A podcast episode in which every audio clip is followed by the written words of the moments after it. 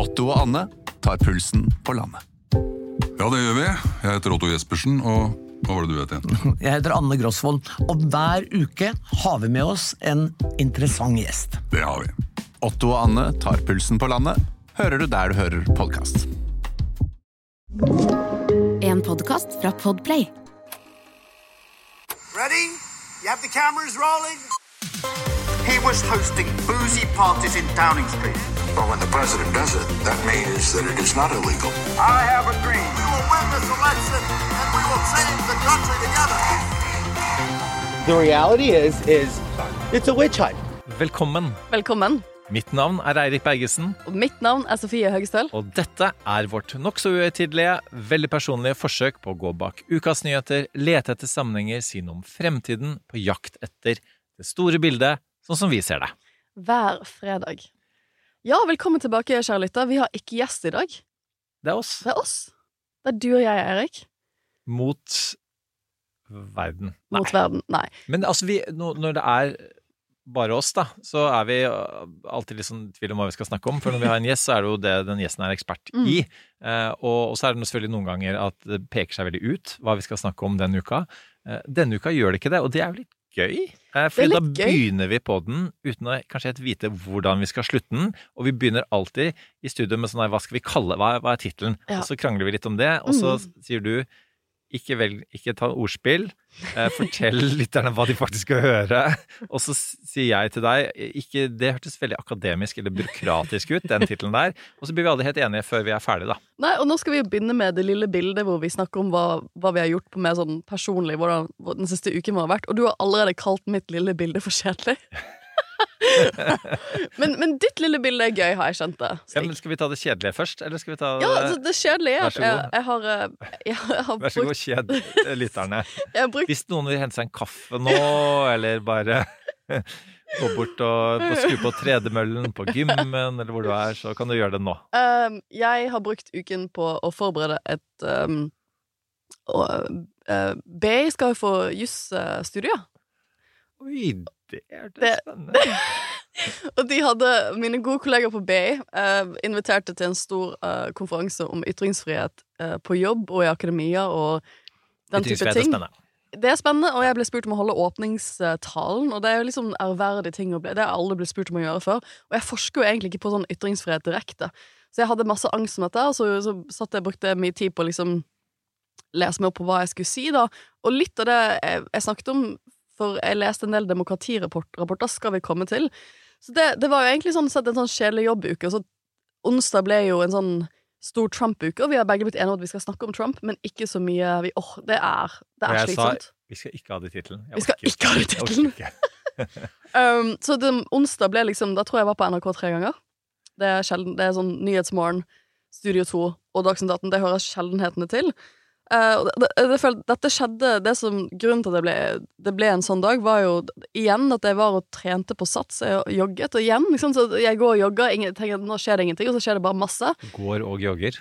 Går, ja, nei, jeg, jeg, tar, rull- jeg, tar, jeg tar rulletrappen På Sats Hasle så er det rulletrapp opp, og jeg tar alltid rulletrappen. For jeg bare sånn, jeg skal være lat så lenge som overhodet mulig. Hvis jeg skal gå og jogge, liksom, løpe på tredemølle sånn 45 minutter, så skal jeg i alle fall ta rulletrappen opp. Um, men det, ellers så, så holder jeg på å, å, å flytte. Jeg bestemte meg for å selge leiligheten min. Det er jo alltid gøy å gjøre i et marked som er så usikkert som det det er nå. Så uh, da, jeg begynte så vidt å pakke. Neste uke må jeg pakke mye. Så det, jeg tror faktisk at 17. mai for meg blir pakking. Uh, og så blir det å ligge våken om natten og lure på om dette blir solgt. Så det er igjen kjedelig. Eirik.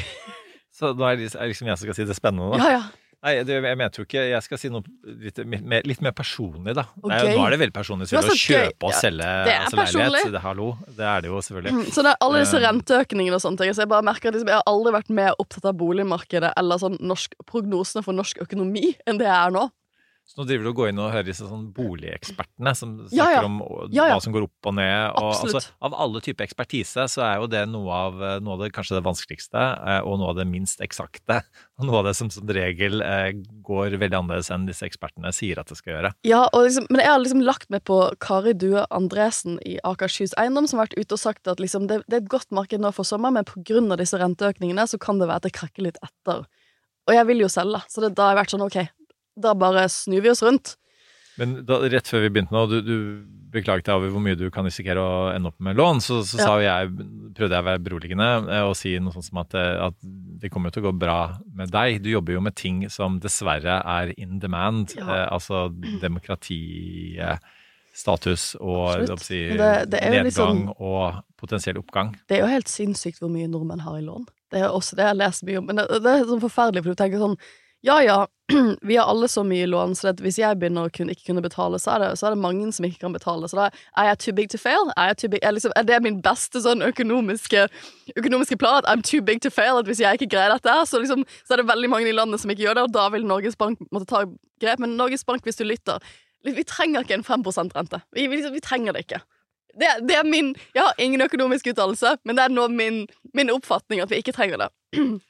Um, det endte som et veldig sånn samfunnsovergripende lille bilde, Sofie. Og, og da nå føler jeg Nå begynner kanskje mitt å blekne litt. Altså, jeg skulle egentlig bare si at jeg, jeg har vært i God morgen Norge i dag. Um, Men det er gøy. og, og, det, og det er jo og, det er sånn Man rekker sjelden å Det begynner så veldig tidlig. Det er klokka sju, så da har man ikke spist. Eh, Og så tar du um, Tar du et, et kopp kaffe når du er der, da. Eh, Og for øvrig, jeg fikk også en Jeg tok en daddel også. Fordi taxisjåføren min på en dag spurte eh, liker du dadler. Og Og så så sa jeg at uh, ja. Om det er litt sånn å jukse. Jeg, jeg syns ikke det er kjempegodt. Men også da skulle han da finne en daddel til meg, da. Og den daddelen, da, eh, posen hans med daddel lå i eh, hanskerommet hans. Så skulle han finne den, og så, mens han kjørte bilen, gjennom tunnelene, eh, Operatunnelen, og skulle etter hvert eh, åpne posen med dadler, og den hadde nå gått, godt knytta sammen. Så at vi ikke krasjet Altså, vi, vi brukte to filer på den operasjonen der, i, noen kilometer. Gjennom, eh, men daddelen var faktisk veldig god. Så han hadde, det, var, det var verdt det. Så jeg har da drukket én kopp kaffe og spist én daddel.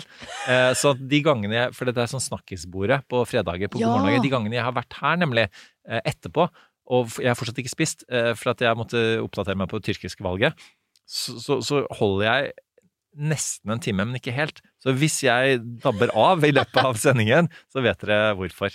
Da var det en daddel som ikke lenger strakk til.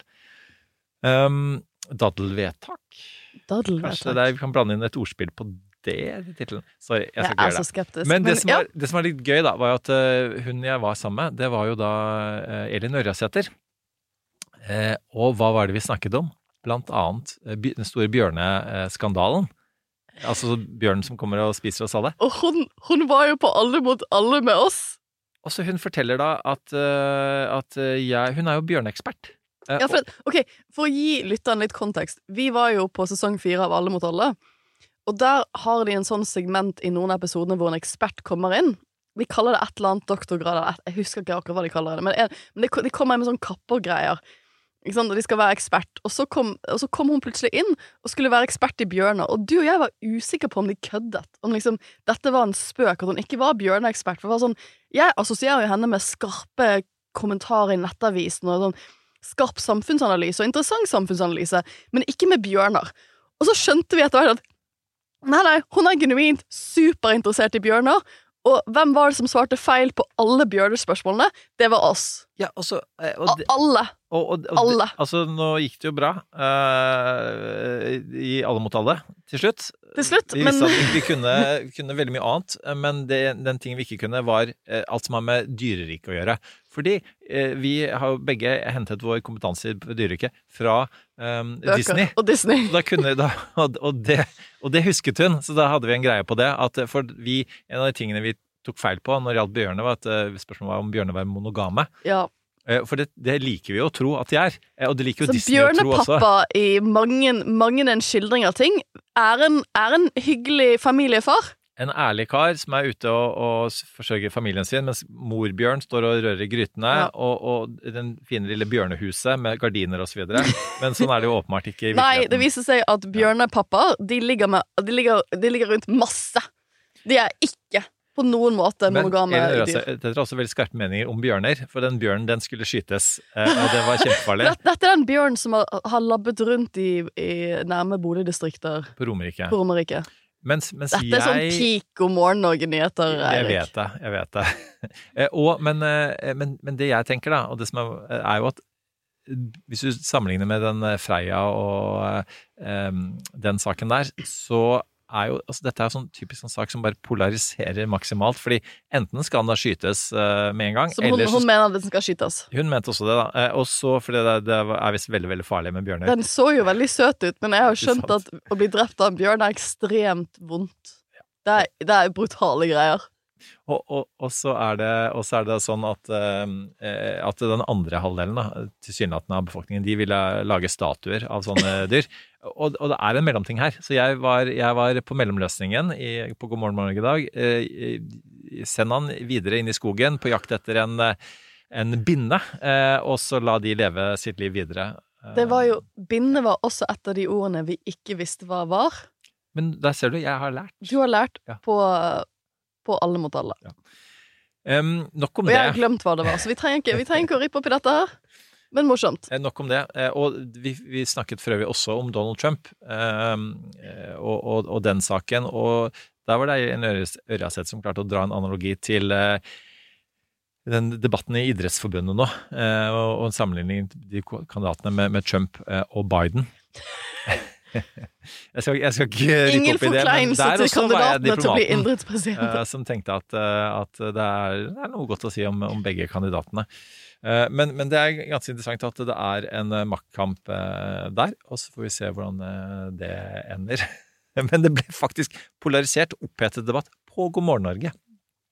Så jeg er energisk. Jeg tror daddelenergien allerede er i ferd med å forvitre. Så vi må gå fort videre. Vi altså, vi skal fort snakke om, det vi skal snakke om i dag, er jo, er jo demokrati. Det skal vi jo alltid gjøre. Du sa at eh, du hadde lest demokratirapporter. Og, og det, jeg mener ikke å si at det er kjedelig. Det er jo kjempegøy og nerdete, og det er jo sånt vi liker her i poden. Jeg tror også lytterne liker det. Eh, og, men det er jo en del sånn eh, altså Demokratiet står, er igjen eh, på spill eh, i denne uka, og det er en del sterke menn eh, som, som leder an. Eh, og det er valg i Tyrkia, det er valg først neste år i USA, men det tetner til. Det skal vi snakke litt om. Vi skal snakke litt om, om måte, hva er, er, er grunn til optimisme allikevel, om det er dystre tider. Og så skal du begynne litt med eh, demokratirapport fra dine kolleger. Ja, la oss hoppe rett i det, for det at jeg har eh, Demokrati er jo blitt en større satsing på UiO nå, og jeg har noen veldig kule kolleger i statsvitenskap som må komme på podden en gang og snakke om hvordan de forsker på dette, for jeg har jo en, en bachelorgrad i statsvitenskap eller internasjonale relasjoner, jeg, og jeg har gjort kvantet, altså, kvalitativ og kvantiv med statsvitenskapelig metode, men jeg, jeg er jo ikke noe tallcruncher selv på noen måte. Men de er en del av et prosjekt som heter VDEM, Varieties of Democracy, hvor de blant annet har de gitt ut en del forskningsrapporter, men de hvert eneste år så går de gjennom et sånt megastort datasett. Jeg tror de ser på sånn 31 millioner forskjellige data points i sånn 202 land, for å kunne prøve å, å gjøre et historisk perspektiv, altså sånn 1789 til 2022, om hva, som, hva er statusen på demokrati i verden. Og jeg leser den rapporten trofast hvert eneste år. Jeg syns det er veldig spennende. Og jeg, jeg tror jeg snakket om rapporten før, eh, for den viser jo, som alle andre demokratistudier, at demokratiet er på tilbakegang. Og jeg føler hvert eneste år jeg leser den, så har tilbakegangen blitt noe verre. Så for to år siden så uh, var liksom en av hovedtitlene på rapporten at demokratinivået i verden er tilbake sånn til 1990.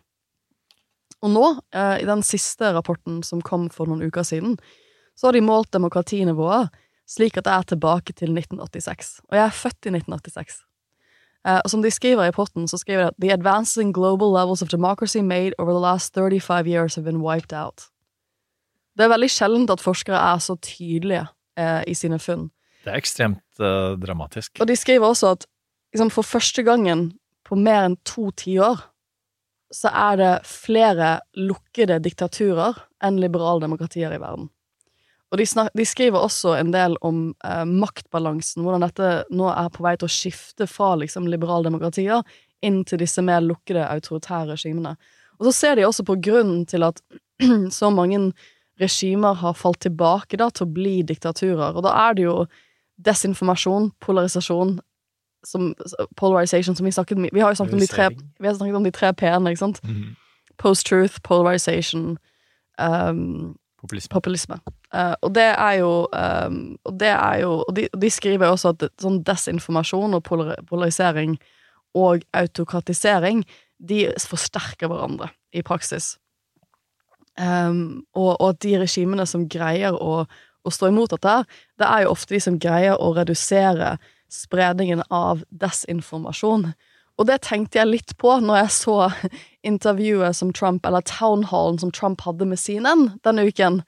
At uh, At uh, ja, uh, det, er, det er jo Man blir jo litt nummen til Trump, men der sitter han i beste sendetid på CNN og fortsatt målbærer at valget ble stjålet. Og desinformasjon på veldig, veldig høyt nivå, da, som ikke har endret seg på tre Det er samme budskap som for tre år siden. Ja, la, oss, la oss ta det. Vi ble jo enige om før sendingen at vi skulle ta Trump til slutt. Men, Bekla- beklager, Ja, beklager. Men, men altså, det, er, altså det, det er jo helt umulig, selvfølgelig. Det, det er jo, det, Når vi snakker om demokrati, det, det, det eh, flyter til overflaten. Eh, Og, og, er, det er veldig um, godt eksempel, som du sier, på desinformasjon. Altså Her står uh, Trump på nasjonal TV, og det, og det er ikke Fox, dette er CNN. CNN har hatt veldig god tid til én, vurdere om han man skal invitere han i det hele tatt. To, forberede seg på å intervjue han. Eh, og så er, står han da, samme uke som han blir dømt for seksuell eh, trakassering eh, Eller og ærekrenkelser. jurist, juristen min vil si blir erkjent eh, erstatningspliktig, for det er jo ikke en straffesak. Så han er ikke dømt dømt sånn, men ja. Derfor har vi en jurist der. Erkjent uh, erstatningspliktig til en kvinne for da et seksuelt overgrep. Så jeg vet ikke om det er så mye bedre enn dømt, men, men her er vi. Tomato, tomato. Ja, tomato, tomato. Uh, og, uh, og, og, og det i seg selv selvfølgelig ville jo diskvalifisert alle andre mennesker enn Donald Trump i ethvert valg ethvert sted i verden som har noe som helst med demokrati å gjøre.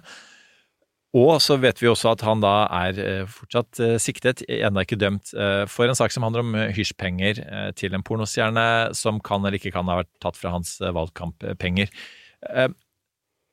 Og, og, og, oppi Og han leder ikke bare republikanernes primærvalg, men altså han leder presidentvalget med Det siste målingen nå var 6 eh, hos var ABC som hadde. Og da Ja. George Stephanopoulos presenterte de tallene, så altså, du, du så hvor rystet eh, han var over dette her. Og så sammenfaller det selvfølgelig også med at, eh, at eh, et klart flertall av demokratene ikke ønsker at Biden skal stille igjen. Og så vet vi at eh, det fins ingen motkandidater eh, til han. Det er ingen som er, eh, ifølge demokrater heller, bedre egnet enn han.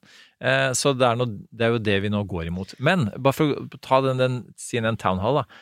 Eh, Så står han da og så, så sier den ene usannheten etter den andre. Liksom det, det, er, det er valgløgn, det, det er selvfølgelig eh, all verdens løgner om, om begge disse straffesakene. Eller det du sa ikke er en straffesak, men hva du kalte det? En sivil erstatningssak. En, erstatningssak. Eh, og så er spørsmålet ok, hva gjør du da? Um, hun prøvde jo på en måte Caitlin Collins, som var eh, programleder, hun prøver jo liksom å faktasjekke sånn fortløpende, og, så, og det klarer hun jo selvfølgelig ikke å gjøre. Og så prøver hun litt på sånn herre Å være sånn Altså, hun eh, det er er vanskelig å, oversette, men hun er litt sånn cheeky, da. Hun prøver liksom å ta ham på sånne småting som gjør Og, og, det, der bare overkjører han henne fullstendig. Um, og så lurer jeg på, ok, hvorfor gjør CNN dette her? Um, for det første, hun, en, hun er kjempedyktig, men er ganske ung, og du, du har en del mer erfarne. Så tenker jeg sånn, ok, hun, han ender jo selvfølgelig opp med å kalle henne nasty.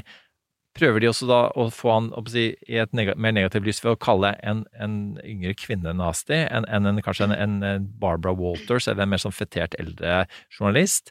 Eh, er, er det en tanke? Også, men det eneste positive jeg kan si om det, da, eh, og som også andre for så vidt også har sagt, er at det som man oppnår, er å vise eh, Trumps eh, true colors. Du, han får viser hele verden hvem han er, hvem han fortsatt er, hvem han alltid har vært, og det, det du What you see is what you're gonna get. Ja, jeg, jeg ser at mange har vært veldig kritiske til at uh, CNN gjorde denne townhallen, og jeg, jeg, jeg mener at man kan forsvare det, og jeg mener også at det forstår at det er interessant å vite For dette er på mange måter en av de større sånn, opptredenene på sånn mainstream media som, som Trump har gjort på veldig lenge. Um, og det, det å se han i en sånn plattform, det er jo en, en bekreftelse på at når han da blir spurt om det, så velger han fortsatt å målbære løgner som han er under eh, etterforskning for, av blant annet FBI.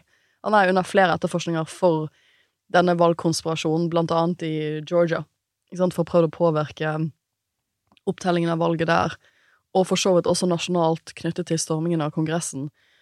Og det har ingenting å si. Han har ikke endret seg. Det ingen av de sakene har hatt noe effekt på han. Han sier akkurat det samme som han gjorde for noen år siden.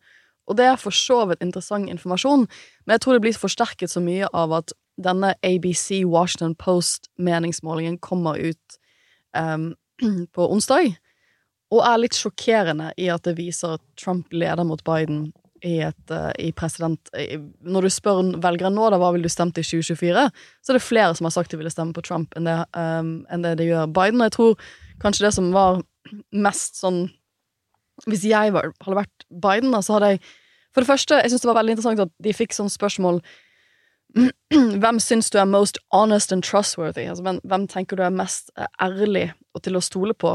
Og så sier 41% Biden, men 33% sier fortsatt Trump.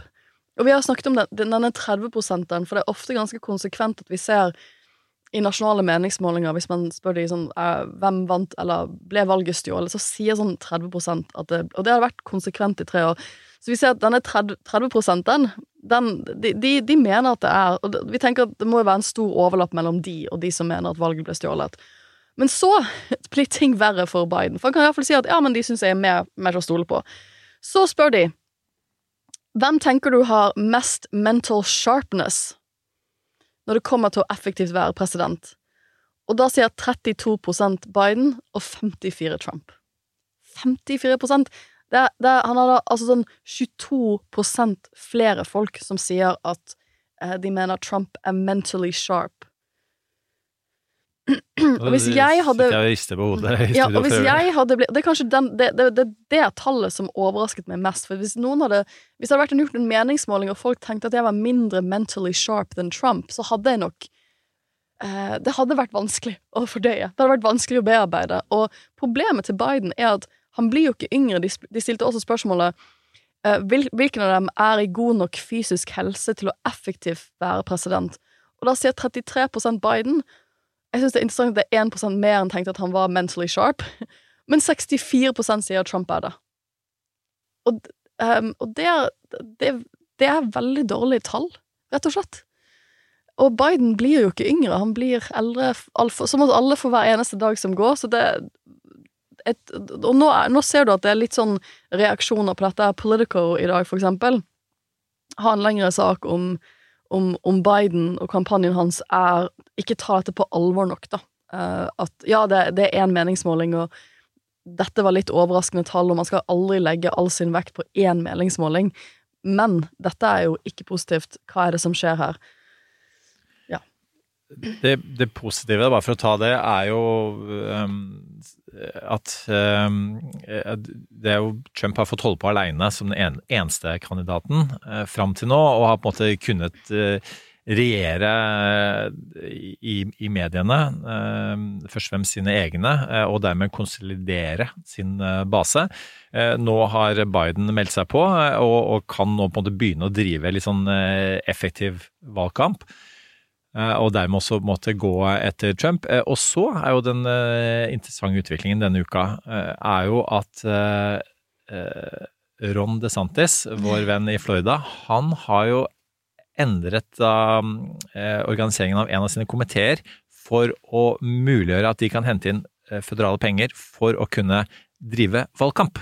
Med andre ord et ganske stort sprang i retning av at DeSantis kan melde seg i valgkampen.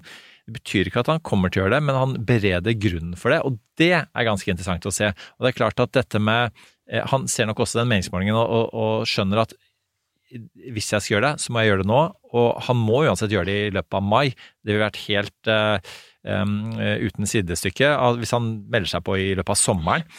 Uh, sånn at uh, Og så ser han selvfølgelig også disse um, det sivile erstatningssøksmålet eh, og den andre siktelsen. Og han ser jo at det forsterker jo hans eh, fortelling om at eh, han er Trump uten bagasje. Og hvis disse to andre sakene du nevnte, ikke sant, kongressstormingen og Georgia-valgopptellingen, hvis, hvis, det blir siktelser der, så, så, kan det jo være at til og med hans, altså Trumps eget parti sier at vet du, nå er det for for mye styr med Trump. Sånn at, det, eh, DeSantis har lenge vært gjedda i sivet. Nå må han snart eh, melde seg på. Og når det skjer, eh, hvis det skjer, så, så, er det klart at han har jo en, har en voldsom skyts som han kan bruke. Han har sikkert alt, alt eh, Trump holdt på med det siste, vil jo havne i eh, altså valgkampvideoer. Eh, altså både, både den herre eh, Altså den herre eh, townhallen til, til CNN havnet jo straks i Bidens valgkampvideoer. Du hører eh, Trumps eh, stemme snakke om eh, noen helt få eh, eh, som, som, eskalerte, men så var eh, blant fantastiske mennesker utenfor Kongressen den dagen. Og så er det selvfølgelig masse bilder av titusener av mennesker som eskalerer mot demokratiet. Eh, så, sånn at det, altså, det, er fortsatt eh, lenge til, eh, til, valget. Det er fortsatt veldig lenge, og vi, vi har, jeg tror vi har sagt før at det er gjerne slik at den personen som leder på meningsmålene, i et primærvalg i alle fall, året før primærvalget, er ikke den personen som vinner. Så det, det er Biden ledet ikke på meningsmålingene til å bli presidentkandidaten til Demokratene et år før, et år før de skulle stemme på det, når han lanserte i 2019. Tvert imot, mange av oss tenkte at han ikke hadde noe sjanse. Det var andre kandidater som gjorde det bedre. Og så lå han som gjedda i sivet, og så kom han, he pounced sent, og så, så, snudde ting seg. Så mye kan endre seg. Men det. det er jo sånn interessant sånn Min første reaksjon på dette erstatningssøksmålet er at det er kanskje det jeg har, um, har brukt minst tid på av alle, alle, disse, alle rettsprosessene mot han, så er kanskje den jeg har tenkt minst over. Og når jeg så For det som skjedde, var at det kom en sånn nyhetsmelding om at juryen har kommet til enighet sånn to timer etter rettssaken ble avsluttet. Og det så jeg rett før jeg skulle trene, så tenkte jeg ja, hvis de har brukt to timer på dette, så har de antageligvis bare brukt to timer på å diskutere at vi må avvise dette. Vi tror ikke på henne. Um, og så hatt en diskusjon om det, og så tenkte jeg nå tar vi lunsj. og så nå, nå går vi hjem og blir ferdig. Og det er ikke det de har gjort. De har brukt to timer på å komme til enighet. Uh, uh, om uh, Og de har trodd henne i så å si alt. Det er ikke, de har ikke funnet at De har ikke funnet at Trump har voldtatt henne, men at han har begått et seksuelt overgrep.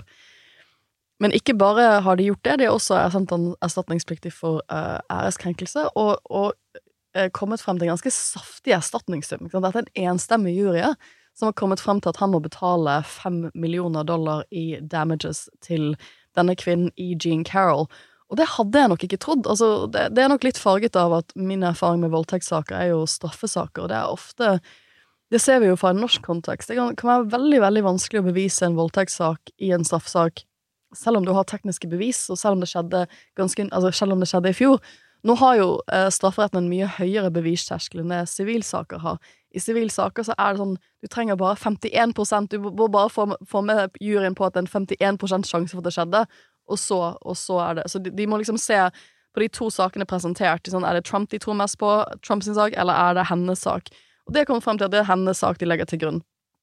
Også litt fordi at Trump har jo Trumps team, og jeg lurer på om de angrer på det nå, de valgte å ikke fremme noen egne vitner de valgte, og han vitnet ikke i retten. Han måtte vitne litt før sånn depositions. Han sa han skulle gjøre det, uh, som, som alt annet, så gjorde han ikke det. Så sa han han skulle gjøre det, men han gjorde det ikke det, så de valgte bare ikke å fremme en egen sak. De, valgte, eh, de, de hadde en god advokat som heller prøvde å liksom plukke i alle, alle vitnene hennes. Men de fremla jo ikke en egen sak, og det, det er litt sånn interessant, for jeg, jeg, lurer på hvordan det da skal gå for dem når de, liksom, de, skal prøve å anke. For jeg vet ikke hva de skal anke på. De har jo ikke fremlagt deres egen versjon av saken. Litt fordi at liksom, hans eh, advokat har sagt dette er jo bare fiksjon, og det, når det er fiksjon, så er det ikke noe vits å fremme noe. Altså, you know, it's just made up. Det er ikke noe vits å gå inn på dette. Men det har juryen da virkelig ikke trodd på. Og jeg tenkte at igjen, jeg tenkte sånn, ja, jeg, jeg tenkte jo at det var interessant at dette skjedde, men, men, det har jo fått litt mer reaksjoner enn man skulle tro. Så det, det, men det viser jo også det man kan glemme at han er under et sånt erstatningssøksmål, og så bare plutselig, you know, plutselig går det minefeltet av, og så, blir han, og, så blir han, og så kommer en sånn type jurydom, da. Eh, så det, det, er jo en påminnelse om hvor volatilt det er rundt Trump nå, hvor mye greier det er. Jeg eh jeg har sagt det før, at, eh, at jeg, når jeg er litt sånn um, eh, ja, den type saker som, som har med rettsvesenet å gjøre, og amerikansk politikk, så pleier jeg ofte å gå inn på NRK og lese hva Sofie Høgestøl har sagt, for å passe på at jeg har den juridiske terminologien eh, riktig. Og en av de tingene jeg la merke til som du sa om dette, og som er et kjempeviktig poeng, som du også er inne på her, er liksom at altså heia henne. Ja. Altså hurra for at hun En sak som helt sikkert har preget livet hennes veldig helt siden da, at hun ble, blir trodd, at hun blir eh, tatt hensyn til. Eh, at, at det selvfølgelig får dermed også konsekvenser for andre kvinner i lignende situasjon. Eh, og det, det er jo en av de tingene som man eh, altså det, er flere kvinner som har eh, anklaget Trump for lignende type ting. Og så har man en, en forestilling om at, at det, ja, men det er jo ikke Det kommer ikke til å føre fram uansett, for her ankes det, og her motsøksmål, og sånn er det amerikanske rettsvesenet. Nei, men så får det faktisk noe, noe å si. Eh, Og det syns jeg var en viktig påminnelse, Sofie. Det er Takk. bra at du og det, den menneskelige Jo, jeg, jeg, ble, faktoren også jeg ble litt frem. irritert over at Ja. jeg fikk masse journalister som ringte onsdag, eh, tirsdag kveld, da, blir det vel. Um, når jeg da prøvde å løpe, jogge på tredemøllen, liksom, og, og var sånn Hva betyr dette for valgkampen? Så var jeg sånn Eller hva betyr dette for Trumps sjanse til å bli president? Og så var jeg sånn Ja, det betyr jo først og fremst for henne en stor Ja, seier, for man glemmer jo helt Ja. den konkrete saken, og hvem det handler om, eh, og hva hun har vært gjennom. Hun har jo prøvd å få i gang et sånt søksmål i mange år, siden hun anklagde han i 2019. Og det jeg syns er sånn spennende, hvis vi ser helt bort fra Trump, er at grunnen til at dette søksmålet har gått gjennom, er fordi at jeg tror hun har vært ganske Hun var med på å prøve å lobbe for en sånn endring. Er at New York vedtok I, New, eh, i delstaten New York da, så vedtok de en lovendring i fjor som gir ofre for gamle seksuelle overgrep ett år på å bringe et søksmål. Så de har sånn ett år vindu, tror jeg, fra oktober i fjor frem til thanksgiving, altså oktober-november i år. Um, til å rett og slett saksøke personer som har begått overgrep mot, mot dem, saker som ellers ville vært foreldre. Altså gamle metoo-saker. Og det er den regelen hun har benyttet seg av. Og jeg, jeg syns det blir interessant å se om andre delstater, om, om eh, organisasjoner i andre delstater sånn Vi vil ha en sånn lov. Dette her For det, dette har jo blitt veldig kjent. Denne loven blir jo veldig kjent i denne saken. Vi har lyst til å ha en lignende lov. Om dette sprer seg, og dette, dette blir et nytt kapittel av metoo i USA, da. Ja, og, og metoo er et viktig stikkord her, fordi at uh, metoo, jeg skal kalle det bevegelsen, skjedde jo, inntraff da eh, etter at Trump ble president. Eh, og jeg tror at det også skjedde litt fordi Trump ble president, at du hadde en person som da både Altså, åpenbart nå, eller vet vi nå, at har trakassert kvinner eh, fysisk, men har også trakassert kvinner verbalt. Eh, at, at han ble da landets eh, mektigste politiker, og en av verdens mektigste politikere, eh, gjør jo noe med folk og rettferdighetssansen, og du får, du får en, en, en motreaksjon. Eh, og det som er ganske interessant, at et av bevisene i denne saken her, da, viktigste bevisene, er jo den der Access Hollywood-videotapen, hvor han sier at eh, som, som vi husker, at, at en kjendis kan eh, gjøre som eh, han eller hun for så vidt, eh, men han sier han, vil, eh, og, og bare beføle kvinner i skrittet. Grab them by the pussy, ikke sant? Eh, og det helt utrolige er jo at han da, i sitt vitneavhør her, som, som da også ble filmet, sier, bekrefter det, og sier at Ja, men Ja, det stemmer. Ja, det stemmer. Eh, fordi, og det sier jo alt om han. Eh, og at han nærmest er stolt av det. Så vil jeg tro at advokatene hans eh, Er det ta Taco Pino? Pina han heter? Ta ja. Taco Taco Pina. Pina. Ja. Um, uh, river seg i håret over det. For det var antageligvis om ikke det var det fellende beviset, så er, er, det, er det med. Og det, og det igjen Ja, jeg tror Taco Pina skal, burde fått ekstra lønn for å holde han langt unna og vitne under ed live i rettssaken. Det Ja. tror jeg det har blitt en katastrofe. For det, det å gjøre sånn deposition-vitnemål som han har gjort, det betyr egentlig at du sitter i et ganske sånn lite konferanserom, og så blir du utspurt av motpartens advokat, og så blir det filmet. Men det er litt mer kontrollert, og advokaten din kan være sånn nei, nei, vi tar en break, og det er litt mer sånne ting. Mens live i retten, det er en helt Det hadde vært For da, da kunne Hvis han hadde blitt sint, da, hvis, hvis advokaten hennes hadde gjort han sint i retten, så tror jeg han kunne sagt og, og det, du snakker jo under ed, så du skal jo ikke lyge. Ikke? Det er jo straffbart i seg selv å lyge under ed. Så jeg skjønner jo hvorfor han ikke var med på straffesaken. Det, det andre beviset som ser ut til å ha vært viktig, og som uh, Trumps Team S eh, mener var feil at, at dommeren tillot, det var at hun fikk lov til å ha vitnemål for andre kvinner som har opplevd, mener at de har opplevd det samme fra Trump, for å vise en pattern. Og det ser du har vært ganske viktig i sånn Bill Cosby-saken, som er en annen sånn stor metoo-sak.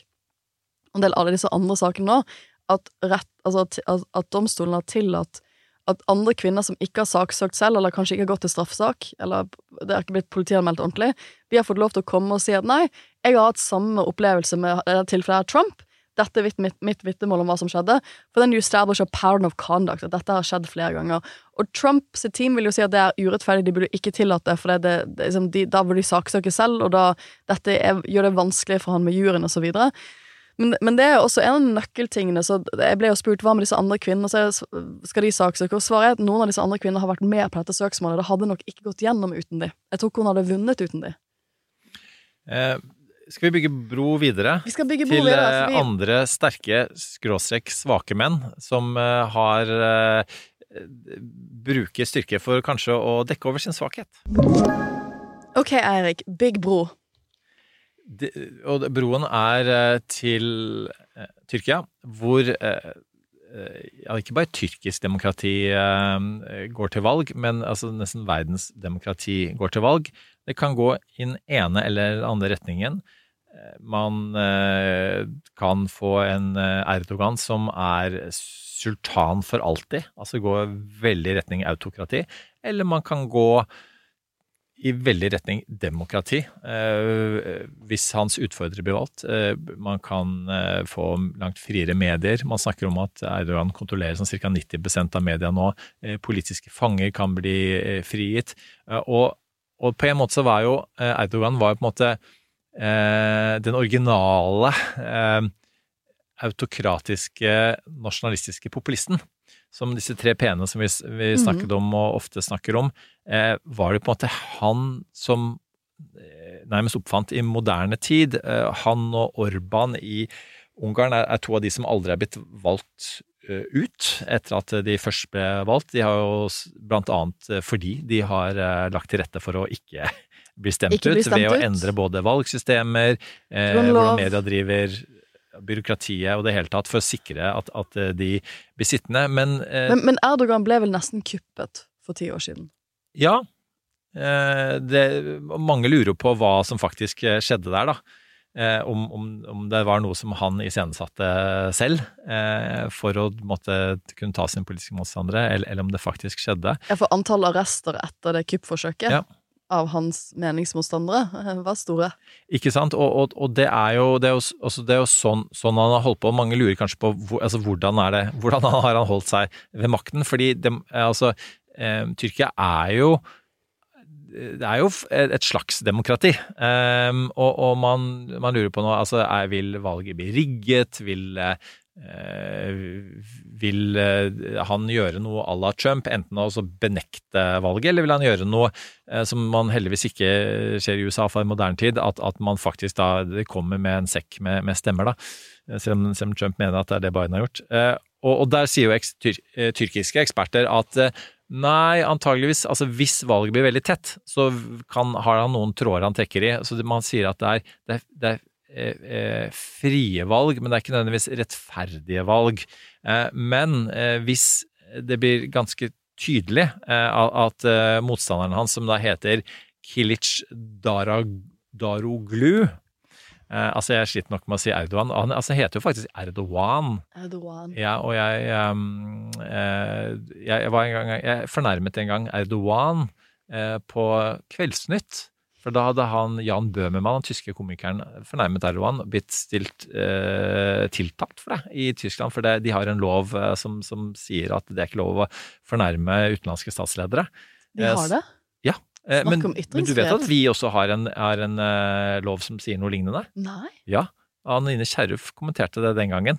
Oi. Eh, det er en sånn sove, sovende paragraf ja, som ikke brukes. eh, Så jeg prøvde å vekke den til live på, på Kveldsnytt med å fornærme Erdogan, eh, men det klarte jeg ikke. Og så var faktisk mitt aspirantkull i UD var, var der den dagen på, det var på All Makt, eh, på, på Teaterkjelleren vi gjorde det. Og så, og så var jeg liksom ganske fornøyd med å komme inn der og hadde var snakket på Kveldsnytt. Og så, mens da mitt aspirantkull, det første de hadde å si til meg, eh, var jo ikke bra jobba eh, på Kveldsnytt, men eh, han heter ikke Erdogan, han heter Erdogan. Der har du eh, er sine eh, Så Erdogan står altså mot Kilic Daroglu, som jeg eh, researcha i stad. Det er sånn eh, det uttales, sånn cirka. Eh, Og han er, han er jo en byråkrat. Han er jo en slags eh, Han blir kalt som Tyrkias Biden. Um, og, Når jeg, når jeg kom inn i studio i dag, så, så spilte eh, Eirik av videoer for å høre uttalelsen. Så det, han, bruker, altså det, han bruker tid på dette programmet. Eh, og så, eh, og så er jo eh, altså, man, man går ikke nødvendigvis direkte til, eh, til demokrati med han, men, men eh, veldig mye mer legges til rette for det. Eh, og han eh, og så er spørsmålet også eh, man, man lurer på er hva vil militæret gjøre? For det er, jo, det er jo på en måte militærets innflytelse på politikken som er en av grunnene til at man har vanskelig for å kalle det- Tyrkia et fritt demokrati, og, og det som er hovedgrunnen til at det ikke er EU vil ha det inn, f.eks. Men da mener man at militæret vil holde seg unna. Man, man vil ikke ønsker å skyte på eget folk, og politiet også, som også er kontrollert av innenriksministeren, vil heller ikke blande seg inn. Hvis det er veldig tydelig eh, at opposisjonen vinner, fordi det vil ikke bare være markert ved presidentvalget, men også med parlamentsvalget. Og da vil det være vanskelig for eh, Erdogan da, å, å, eh, å, å gjennomføre det som i realiteten vil være et slags eh, statskupp. Eh, bare for å hive inn eh, dramatiske, ytterligere dramatiske elementer her. Eh, Putin ønsker jo selvfølgelig at Erdogan skal sitte videre. De eh, jobber med et atomanlegg eh, sammen. Eh, som da En ting Erdogan han jo gjøre Tyrkia stort igjen. Eh, at han lover sin befolkning, er eh, atomvåpen. Eh, og, og, da, og, og så er spørsmålet også er, er, altså han Atatürk var jo den store tyrkiske lederen tidligere. Han minner jo litt om Atatürk på, på mange måter. Eh, og samtidig som og, og de var jo begge veldig opptatt av å forme Tyrkia sitt bilde, samtidig som Atatürk var jo det, var noe annet. Han var mye mer europeisk vendt, eh, ikke som eh, eh, Erdogan eh, mot eh, mer arabiske. Og han var sekulær, ikke da mot det, det religiøse og muslimske, som da Erdogan er. Eh, Så det, det er en forskjell. Og så er jo noe av grunnen til at Erdogan slo seg på, var jo at han ja, han tilhørte en, en minoritet som var undertrykt. Det, han kom fra fattige kår, religiøse var undertrykt. Men så gjorde han det som da mange gjør når de kommer til makten, er at de undertrykker eh, videre. Og at han har jo da ved, ved å demonisere minoriteter, eh, har jo da holdt seg, holdt seg ved makten. Og hans base, som er ganske konservative, religiøse, har da sikret han på samme måte som, som eh, Trump. Han, har, han splitter opposisjonen, og så har han sin base. Ja, for han, hvis du ser på Tyrkia i denne demokratirapporten, så er jo de nevnt ganske hyppig, for det at de er nok De er en av de, de statene som virkelig har vært, eh, vært i en sånn, eh, sånn nedgangstid demokratisk de siste ti årene.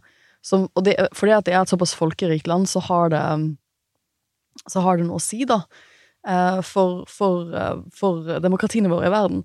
Og det står liksom i år at selv om prosessen autocriti- autocratization, som jeg har slitt med å si hele uken, men altså at man blir Autokratisering. autokratisering, at man blir mer og mer autokrat, har, har saknet litt ikke sant? I Ungarn, India, Serbia, Thailand og Tyrkia. Men så er de fortsatt blitt med Altså, de har fortsatt byttet kategori fra liksom, pseudodemokratier til å være autokratiske regimer. Så eh, og, og, og de trekker jo spesielt frem at i Tyrkia så er det denne at man fortsatt slår ned på um, på ytringsfrihet og uh, på politiske mot, motstandere. Um, og de har jo innført en sånn De har kriminalisert og innført en sånn false information law. Sånn at, du- at du får ikke lov til å spre desinformasjon, men det er jo da etter hva han uh, og regimet definerer det som. Og Ja, det er jo fremste grepene for diktaturer Absolutt. er å liksom slå ned på falske nyheter Absolutt. for å kunne fremme falske nyheter. Og det er det som gjør det så vanskelig. Så en av de tingene jeg har tenkt mest på denne uken, i lys av det foredraget jeg skulle holde, det var at um, akkurat nå så skal Stortinget straks stemme over ny norsk valglov. Så de skal stemme over den valgloven jeg var med på å utrede i, uh, mellom 2016 og Du og vår venn Knut Storberget. Og Knut Storberget. Um, så 19, det var mange år, så et veldig veldig dyktig sekretariat, ikke minst, eh, til valglovutvalget. Og en av de problemstillingene vi fikk, som vi ikke greide å lande, som vi heller for så vidt Jeg har ikke sett noe annet vestlig land lande det. Det var hva å gjøre med desinformasjon i valg. Eh, for vi begynte å jobbe i 2017, og da var jo rett etter presidentvalget i USA. Og vi jobbet frem til 2020, og da var jo sånn false, false news, desinformasjon, veldig eh, det, det, det kom jo opp flere saker internasjonalt hvor man, eh, hvor man virkelig fikk satt et søkelys på hvor skadelig det er for demokratier. Og da var det jo folk som ville at vi skulle prøve å utrede hvordan dette kan reguleres i valg. Sånn, er det noen måte å slå ned på det, eller gjøre det ulovlig, osv., når det blir fremmet i en valgsetting? Og der måtte vi rett og slett være litt sånn Jeg tror alle var enige om at det er et stort problem. Men der måtte vi rett og slett være litt sånn vi, har, vi må levere utredningen vår innen 2020, for hvis ikke blir grunnlovsendringene fremmet i tidsnok til at det kan faktisk få effekt til stortingsvalget i 2025. Så vi har en veldig hard grunnlovsfestet deadline på å bli ferdig med dette. Og hvis vi skal prøve å sitte der og komme opp med gode løsninger på hvordan man slår ned på desinformasjon, så trenger vi to år til. For problemet for et vestlig demokrati der, det er at vi er medlemmer av Den europeiske menneskerettskonvensjonen. Vi må forholde oss til ytringsfrihetsreglene der. Og så er jo vi et av de landene i verden som har hatt ytringsfrihet liksom, lengst i grunnloven vår. Hadde, Det sto i den originale grunnloven vår trykkefrihet skal finne sted, altså ytringsfrihet. Og eh, på den konferansen jeg var på i går, så ble det trukket frem fra en israelsk Det var veldig interessant å høre på en israelsk professor som snakket om dette her fra et israelsk perspektiv akkurat nå, hvor en del av hans kollegaer på hans universitet de demonstrerer jo mot alt det som skjer i Israel. Så vi snakket litt etterpå om hvor, liksom, hvor treffende han syntes mye av det jeg snakket om, om dette store verdensbildet det var. Men han, han synes det var veldig sånn Jeg tror han syntes vår grunnlovsparagraf om ytringsfrihet var veldig sånn spennende og fascinerende. Det, liksom, og det er kjempebra, men det gjør jo at for oss så er det ikke bare å si at fake news er ulovlig, for da må man plutselig ha noen som vurderer det. Og, da, og da, De som gjør det, er jo Tyrkia. Det er jo bare autoritære regimer. Det er Russland, det er Tyrkia, det er Singapore. Eh, og da blir man tror for Det å finne gode løsninger hvor du fortsatt bevarer ytringsfriheten, et fri ytringsrom, mens du greier å slå ned på desinformasjon på en måte som ikke uthuler ytringsfriheten til borgere, i valgsituasjoner. Det er nesten altså, Kjære lytter, hvis du har gode, gode, løsninger, ring meg. Men jeg har tenkt veldig mye på det denne uken, for vi skal jo ha lokalvalg i Norge nå i september. Det er presidentvalget i USA til neste år. Og med alt som skjer på AI-fronten, så er det nå um, Jeg syns det er kjempemorsomt å se TikTok-videoer av at Kanye West synger sanger på norsk. Men den teknologien, at du kan bruke Kanye West sin stemme til å synge på norsk, betyr også at det er veldig lett å bruke Støre sin stemme på å lage et falskt valgkampsbudskap som kan spre seg på to sekunder. Det er nesten gratis. Det, vil, det, var ikke gratis for fire år siden å prøve å gjøre noe sånt. I dag er det teknologi der ute nå som, som endrer seg hver eneste uke, føler jeg, med AI. Eh, som gjør det veldig mulig å generere desinformasjonsvideoer og lydklipp. Eh, som jeg føler at vi ikke har funnet en god måte å se ned på. Så ja, det, det var min lange utspill om Tyrkia og hva de gjør men som, var, som, er veldig skadelig, så den, sånn fake, fake, news, men som vi ikke kan gjøre, men allikevel er et stort problem for oss. Og en påminnelse om at den AI-episoden den, den, den, skal komme. Vi den skal ha komme. nå veldig snart. Eh, denne uka så advarte for øvrig eh, Yuval Harari, eh, mm. Sapiens-forfatteren i The Economist, om at maskinene har allerede knekt menneskekoden. Mens vi jobber med å knekke maskinkoden, ja. så har de eh, knekt menneskekoden, og, som jo handler om følelser, og de er allerede eh, foran oss i dette kappløpet. Ja. Så, så får, det, og det er sånne ting som gjør at man, man blir litt eh, engstelig. Ja, for hvis du får AI til å gjøre eh, skreddersydd desinformasjon på enkeltpersonsnivå Fordi de har jo de har all tiden i verden. ikke sant? Det er en robot. Eh, så hvis de da gjør De ser 'Å, Eirik har likt disse tingene på Facebook', og han har disse tingene på sosiale medier'. Vi skreddersyr dette budskapet til han, og så feeder vi det. Vi mater han med det budskapet på subtile måter hele tiden frem mot valgkampen. Det vil jo få mye av det som kom ut rundt brexit og USA-valget i påvirkningskampanjen, til å se ut amatørmessig ut. Og dette skjer nå, og vi har liksom ikke helt kontroll over det. Så det, det er noe som opptar meg mye om dagen. Men, en, viktig ting om, om det med altså ytringsfrihet, og skal man på en måte um, gjøre det ulovlig med desinformasjon, er jo at i Norge så liker vi jo å tro at vi ved fri demokratisk debatt eh, kan synliggjøre eh, hva som er eh, ekte falskt. og falskt. Rett og slett. Og, og det også har vi jo heller ikke lyst til å innføre lover som, som ligner på regimer vi ikke ønsker ja. å uh, sammenligne oss med. Uh, så, så, det er et stort, uh, stort dilemma der. Um, vi skal altså bare avrunde India, da. Nei, unnskyld, avrunde Tyrkia Eh, med å eh, si at altså, en av grunnene til at Erdogan ønsker å holde seg i makt nå, at han er genuint engstelig for hva elitene, da, som han, han tidligere opponerte mot, og som, eh, som han nå styrer over, men som kan komme tilbake, hva skal de skal gjøre med han? Vil han, liksom, vil han bli eh, landsforvist? Eh, en, en, ekspert eh, på dette her eh, sammenlignet med, med Pinochet, som, som, fikk et type sånn amnesti hvor myndighetene sa at vi, skal ikke gå, gå etter deg. Du skal, du, skal, få overleve mot at du ikke på en måte hindrer den maktovergangen. Da. men, og det, det, kan man også spekulere i om en, om en Trump også og en eh, Netanyahu også selvfølgelig da eh, ønsker seg ikke sant, at, at sitte ved makten for å unngå nærmest å havne i fengsel. Og, og da bare legge inn en, en Imran Khan, da I først, Pakistan? Ja, Pakistans tidligere statsminister, som da um, også ble, ble kasta i fengsel. Han gikk vel av i fjor, kasta i fengsel nå, og der var Høyesterett ute og sa at det var ulovlig. sånn at det, det er en, en, kamp der, da. Men altså politiske ledere som sitter sitte ved makten for å få en get out of jail free, det er jo ikke bra. Nei, det liksom relaterer seg litt til mitt fagområde, for Pinochet ble jo forsøkt um, utlevert internasjonalt å, av folk som hadde blitt utsatt for hans torturregime, og som da bodde i sånn Storbritannia eller forskjellige europeiske land, og som prøvde å få han anmeldt i de landene for torturforbrytelser, og så utlevert. Så den saken er veldig kjent sånn folkerettslig på hvilken Om du er immun fra straffsaker eller ikke. Eh, og det har jo vært et problem også i noen av de regimene jeg forsker på, for eksempel i Libya, som det har vært mye snakk om i det siste i Norge, hvor Gaddafi, som da var eh, diktatoren i Libya, eh, under økende press blir tiltalt av Den internasjonale straffedomstolen. Og det er sånn, Libya kommer nok til er jo en veldig interessant case, og det er veldig mye å si om Libya, men en av problemstillingene da var at plutselig er han tiltalt av Den internasjonale straffedomstolen, så han skjønner at det er ikke noe sånn golden parachute for han. Han, han, det er ikke Og det er litt vanskeligheten med internasjonal strafferett av og til, at det, det, gir jo ingen insentiver til at du skal gå av. Og gå av tidlig. Uh, og gå av og få en eller annen sånn fin pakke hvor du bor i et eller annet annet tredjeland i en fin villa på stranden, og bare gjør det resten av livet. For Gaddafi var jo ikke, han var jo ikke dum. Han skjønte at hvis jeg nå er etterlyst internasjonalt, så kan jeg kanskje reise til Guinea eller et annet afrikansk land som ikke er medlem av domstolen, men det kommer en tid. Det er, det er ikke, det, det, er ikke kan, det kan holde i to-tre år.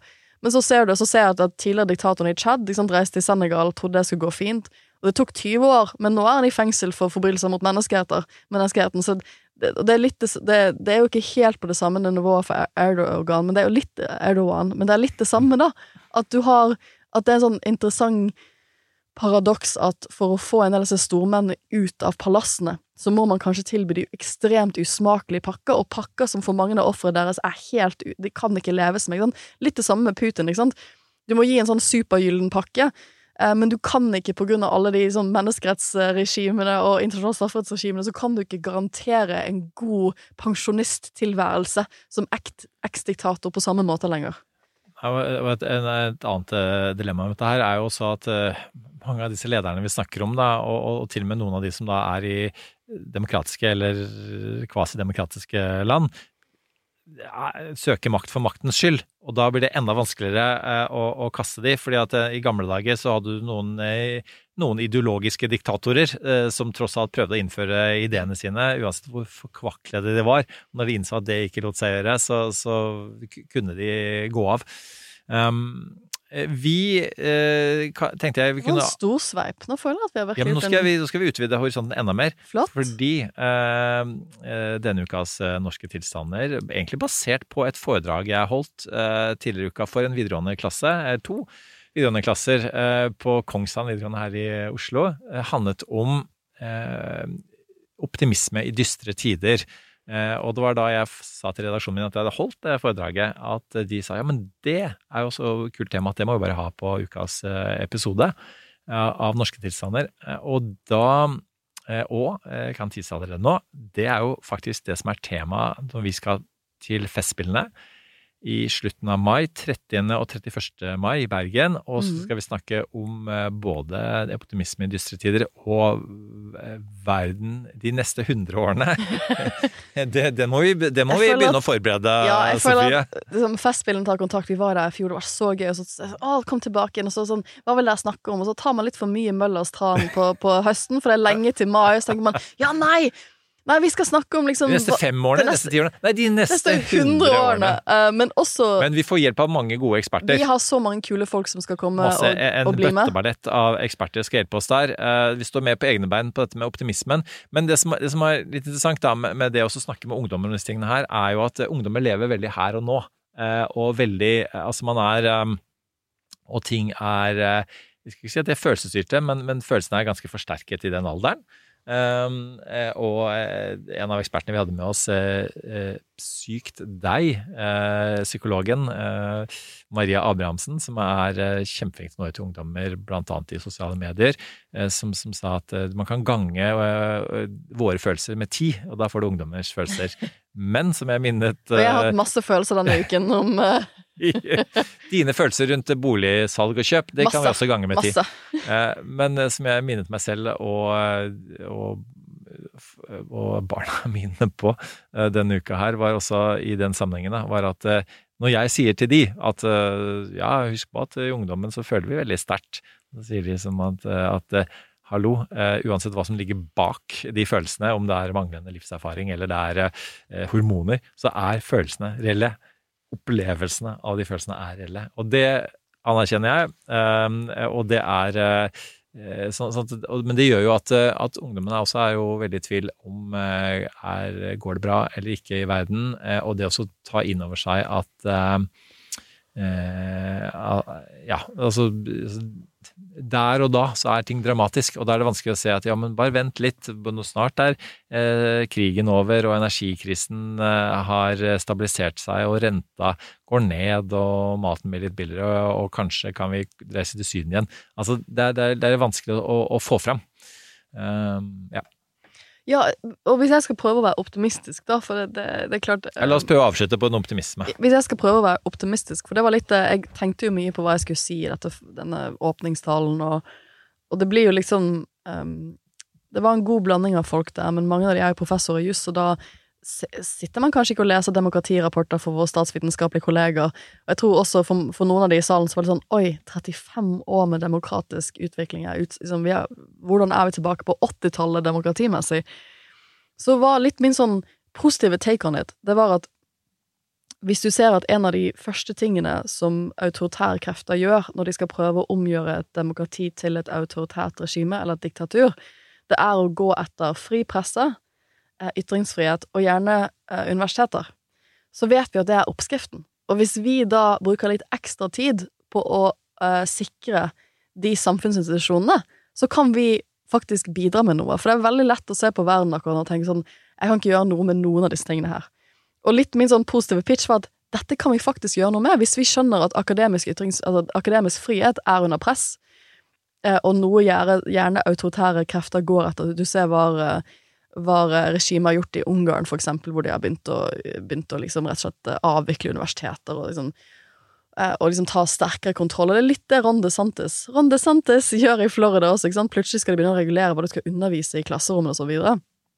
Hvis du vet at det er et faretegn fa- Nå kaller jeg ikke han autokrat, men det er sånn det er, Hvis um, disse Videm-folkene lagde en egen rapport om akademisk frihet, for de ser at det er en av de tingene som virkelig kommer i spill eh, hvis, hvis, hvis, det har, hvis det er autoritære krefter ute og går som har lyst til å omgjøre landet sitt fra et demokrati til, eh, til et mer diktatur.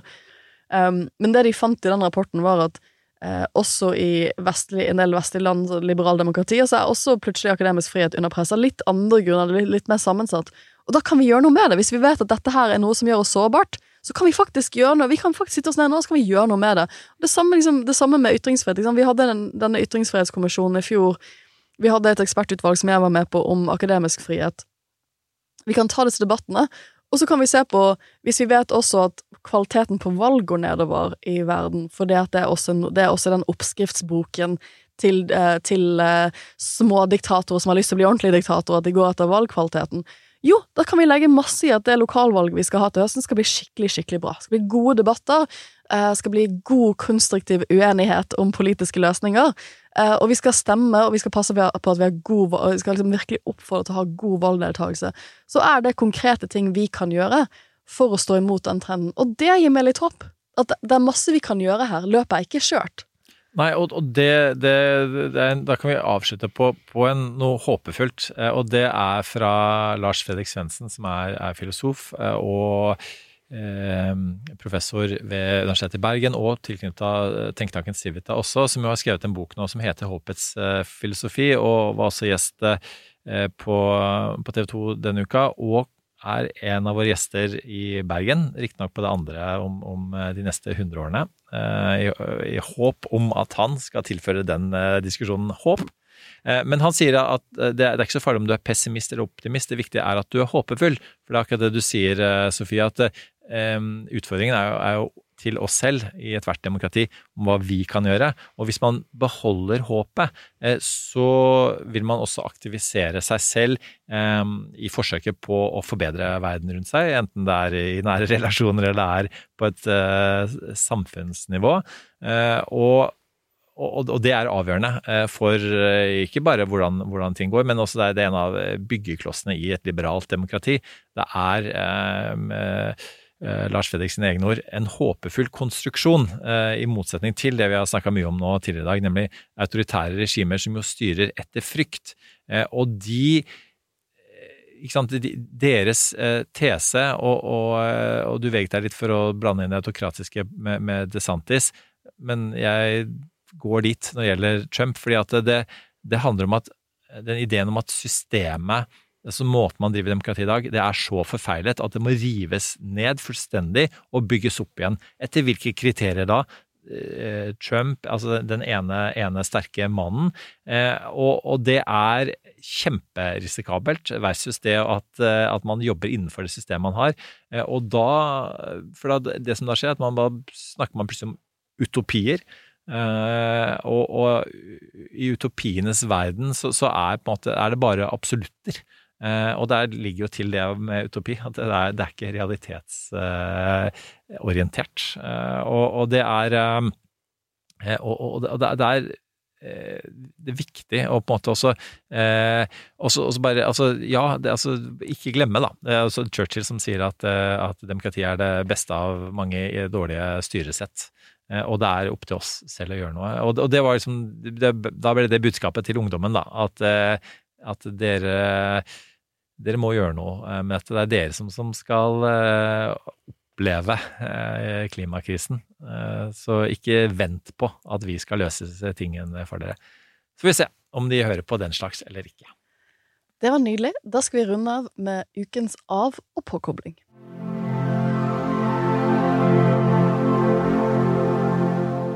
Ok, Eirik. Jeg vet at det er ett program du har hatt lyst til å snakke om i denne podkasten. Jeg tenker at tiden er klar for den store The Diplomat-krangelen. Ja. Eh, og eh, vi prøvde å snike det inn eh, da Knut Storberget var her, men eh, stakkars han skulle slippe å bli blandet Havne i skytsilden der, pluss at vi hadde plutselig veldig dårlig tid, for det var noen andre som skulle overta studio. Eh, så det, vi trenger litt tid. Men eh, altså The Diplomat, serie på Netflix, mm. har blitt sammenlignet med The West Wing og Homeland, blant annet fordi at serieskaperne har skrevet episoder for begge de to seriene. Og jeg, jeg har latt meg rive med. Jeg syns det er eh, underholdende. Jeg som har jobbet i diplomatiet, syns faktisk at det er noe realistisk med måten diplomatiet fremstilles på. Eh, og så For lytter som ikke kan se dette, så rister jeg nå på hodet, men mm, mm. Um, eh, Eller, og, da skjer det mye ting i UD som jeg ikke var klar over, Eirik. Det gjør det. Uh, åpenbart. Men jeg, altså, jeg kjenner igjen uh, noen av uh, Altså noen trekk da, fra den kvinnelige diplomaten som da er ambassadør i, i Storbritannia, er, men er amerikansk, og som skal da løse både stridigheter mellom Storbritannia og eh, USA, og så er, er Irak inne i bildet, og så hører vi til historien at, at hun har da en eh, ektemann som da eh, er, en type sånn eh, eh, Ja, det er litt sånn, sånn Bill Hillary Clinton. eh, Ja, han, han har vært en, han har egentlig, Det er egentlig han som har vært ambassadøren før, ja, Uh, og har hatt liksom, de tunge rollene, for han er en del eldre enn henne. ja. Um, Og man kan også lure på om ikke det de er stjålet litt fra Mona Juel, Terje Larsen-dramaturgien. Ja. eh, men nå er det liksom hennes tid, da. Det er hun som Ja. skal tre inn i en stor rolle. Eh, Som ambassadør, vi, vi spoiler ikke noe her, som ambassadør til Storbritannia, for det skjer jo med. Det er jo hele premisset for Også, ja, og så er det litt sånn stressnivå hele veien. Hun har bustete hår. Eh, Så kona mi er veldig sur på at hun kan, du kan ikke bare børste håret ditt, da. Ja, altså, Så prøver jeg å si at det er en Dette er jo Keri Russell, en veldig, veldig pen amerikansk skuespiller, som jeg elsket i The Americans, så jeg er fan av Keri Russell. Men jeg tror, jeg tror Jeg har ikke sett hele. Jeg har ikke sett hele. Men jeg tror at Jeg følte at they lost me rundt sånn 30 minutter inn i første episode, når de da landet i London, og hun skal liksom bli fremsatt for for liksom For kongen og whatever, for å bli liksom godkjent som ambassadør. Og liksom hun holder på å bytte De som som til å fly, hun holder på å bytte inn i klær for å gjøre dette. Og så går han da opp til ektemannen sin, og så bare sånn med sånn armhulen sin og bare sånn 'smell my armpit'. Sånn, lukt, må, jeg, må jeg vaske meg, liksom? Jeg bare sånn, Er det noen kvinner som egentlig gjør det? At de liksom at de, liksom, at, de, at de får partneren sin til å sjekke armhulene for lukt. Liksom, hvis du har vært på et fly en hel dag. Bare sånn, bare heller, På den tiden hun gikk frem og tilbake på om å dusje, så kunne hun dusjet på to minutter. Det hadde ikke vært sånn, Hvordan kan hun ikke styre livet sitt og, og liksom Nei. Det nei, var det du hang deg opp i. nei. Nei. Nei, og, men, men vet du hva? Det var ikke der de lost you. Det var eh, ved sammenligning med West Wing. Og etter ett minutt så var du klar for å trekke den konklusjonen, og den konklusjonen var som en, som en, en ekte ortodoks West Winger. Bare sånn, nei, Absolutely not. det er, og så lenge det er litt dårligere enn West Wing, så er det, så er, er det blasfemi å sammenligne det. Og jeg, jeg tar den, og, og West Wing er bedre enn forstand at det er mer intrikat på det politiske. Um, Altså, mens- West Wing hadde masse crazy plotlines, men det de skal ha ofte, var at hvis, du, hvis de plutselig hadde et budsjettkrangel Hvis du kan liksom for eksempel litt amerikansk juss eller litt amerikanske budsjettprosesser, så brukte de ganske lang tid på at det skulle være korrekt, så du lærte egentlig masse, masse, masse statsrett og statsvitenskap og sånn, og sånn ganske sånn kjedelige politiske prosesser av å se på West Wing. Jeg var alltid veldig imponert over jussepisodene, for eksempel, hvor, hvor, hvor, hvor, treff, hvor liksom at det faktisk var reelt sett det som var jussen, og de greide å forklare det på lette måter. Det kvalitetsnivået ser jeg ikke i The Diplomat. Um, apropos uh, Keri Russell, Keri uh, Matheson, altså hun som er uh, hovedpersonen i Homeland, Mhm. uh, er jo åpenbart også en inspirasjon her. Og, også Absolutt. en, med, med, med Keri Wild Eyes når hun er um, off her meds og ikke tar ADHD-medisinene sine. Og, og episodene når et stressnivå uten like, um, som sammenfaller med, med si, de, de, uh, diplomatiske konfliktene som hun prøver å betjene det, det er ganske likt. Eh, Og jeg, jeg syns jeg liker uh, Du liker energien. Jeg liker den energien. Um, og så uh, Så, så jeg, jeg gir det en, um, en eh, sterk femmer. Jeg gir det en svak treer. Jeg, jeg, den ble bedre. Altså, jeg følte at første episoden var litt sånn wooden acting. Det var litt stivt. Og så føler jeg at det ble litt bedre. Diplomati er stivt. Uh, Ja, men altså Stiff upper lips ja, all men, around. eh, er det slik Nei, så, altså, jeg kan ikke si så mye som skal spoile, men jeg, jeg følte at en del av de tingene der var høyst urealistisk. Ikke måten man driver en utenrikstjeneste på. Og igjen, um, jeg følte at, at hennes karakter, Carrie Russell sin karakter, er den voksne kvinnens versjon av Manny Pixie Dreamgirl. Som var en sånn stor sak for ti år siden, hvor du liksom hadde masse kvinnelige karakterer som liksom sånn var liksom sånn ja, litt sånn småmaniske og sånn liksom liv, og så springer de rundt. Ja, sånn, det, det er ikke det at de ikke er smarte, men liksom, det masse Det ble en sånn greie, da. Jeg føler sånn, Hun er liksom den voksne kvinnens versjon av det. Hvor hun bare sånn 'Jeg har ikke kontroll på noe, jeg har ikke husket å børste håret mitt', 'Jeg kan ikke lukte på meg selv på om jeg må vaske meg eller ikke', men jeg er briljant! Jeg er en superbriljant diplomat, og jeg har så skarp hjerne, og folk vil ha meg i store posisjoner, men jeg kan ikke skjønne det selv, for jeg hadde aldri gjort det selv. Og da er det litt sånn, OK. Men jeg er glad for at folk syns at det har vært morsomt å se på. Eh, og jeg kan avslutte dette med å eh, igjen prøve å trekke på min erfaring fra diplomatiet og si at jo, så ko-ko er noen ganger eh, diplomatiet og eh, fredsforhandlinger og eh, og det er eh, Og da skal, jeg hive inn en ekstra anbefaling, eh, nemlig en bok som handler litt om det. Eh, Henrik Thunes' Strengt fortrolig. Ja. Norges hemmelige forsøk på å stanse krigen i Libya. Og den eh, har jeg ikke lest ennå. Den er en av de bøkene jeg gleder meg til å lese. Han var statssekretær i eh, UD under eh, nå Anniken Huitfeldt, og skriver kjempe, kjempegodt uh, vanligvis. Så, så jeg, den gleder jeg meg veldig til. Og den innbiller jeg meg, for altså hvor crazy uh, vil det ikke være å prøve å stanse krigen i Libya? Uh, For det gjorde faktisk Norge, og det er en historie som, som ikke er kjent. Så bare det at den blir fortalt, er jo, og og det som en gang var strengt fortrolig, nå er mulig å lese om, er jo kjempespennende. Så får vi se da om, om, eh, om det er eh, det, på det diplomat-nivå når det gjelder dramaturgi. Um, min anbefaling denne uken er Helsekost Furuset. Den eh, nye dukkusåpen til Else Kåss Furuseth. Jeg bladde liksom, begynte å se litt på den, for det var liksom det som var toppen av NRK TV, og hun har jo en helt sånn Jeg syns det, det er morsomt, det er menneskenært, det er eh, nyansert om et veldig Jeg tror det er for mange som blir et veldig betent og vondt tema til timer, og, og, og ti, tema til tider, og tema som hvor som, som Else sier innledningsvis, det er ganske lett å falle i to skyttergrader. Liksom. Skjerp deg, gå ned i vekt. Um, eh, eh, liksom på den ene siden, og på den andre siden Nei, Else, det er akkurat som du er. Det liksom Det er ikke liksom, ja, hun, hun, hun har en sånn egen evne til å menneskeliggjøre veldig vanskelige temaer. Eh, å bringe hele seg inn og være en sånn fantastisk historieteller. Jeg føler at jeg ser på det, eh, og så blir jeg liksom satt Jeg, jeg blir liksom Jeg blir, eh, jeg blir eh, Jeg blir rett og slett satt i senk av beundring over hvor flink hun er til å formidle vanskelige samfunnstemaer på en veldig menneskelig måte, som er veldig skjær... Som er, og jeg tror mange vil, se på den om de har lyst til å gå ned i vekt eller ikke, og kjenne seg veldig igjen i mye, mange av de utfordringene em, som de snakker om, og også de har fått noen fantastiske folk til å være med på prosjektet som også skal prøve å gjøre en livsstilendring som er med henne, så de er en sånn gruppe.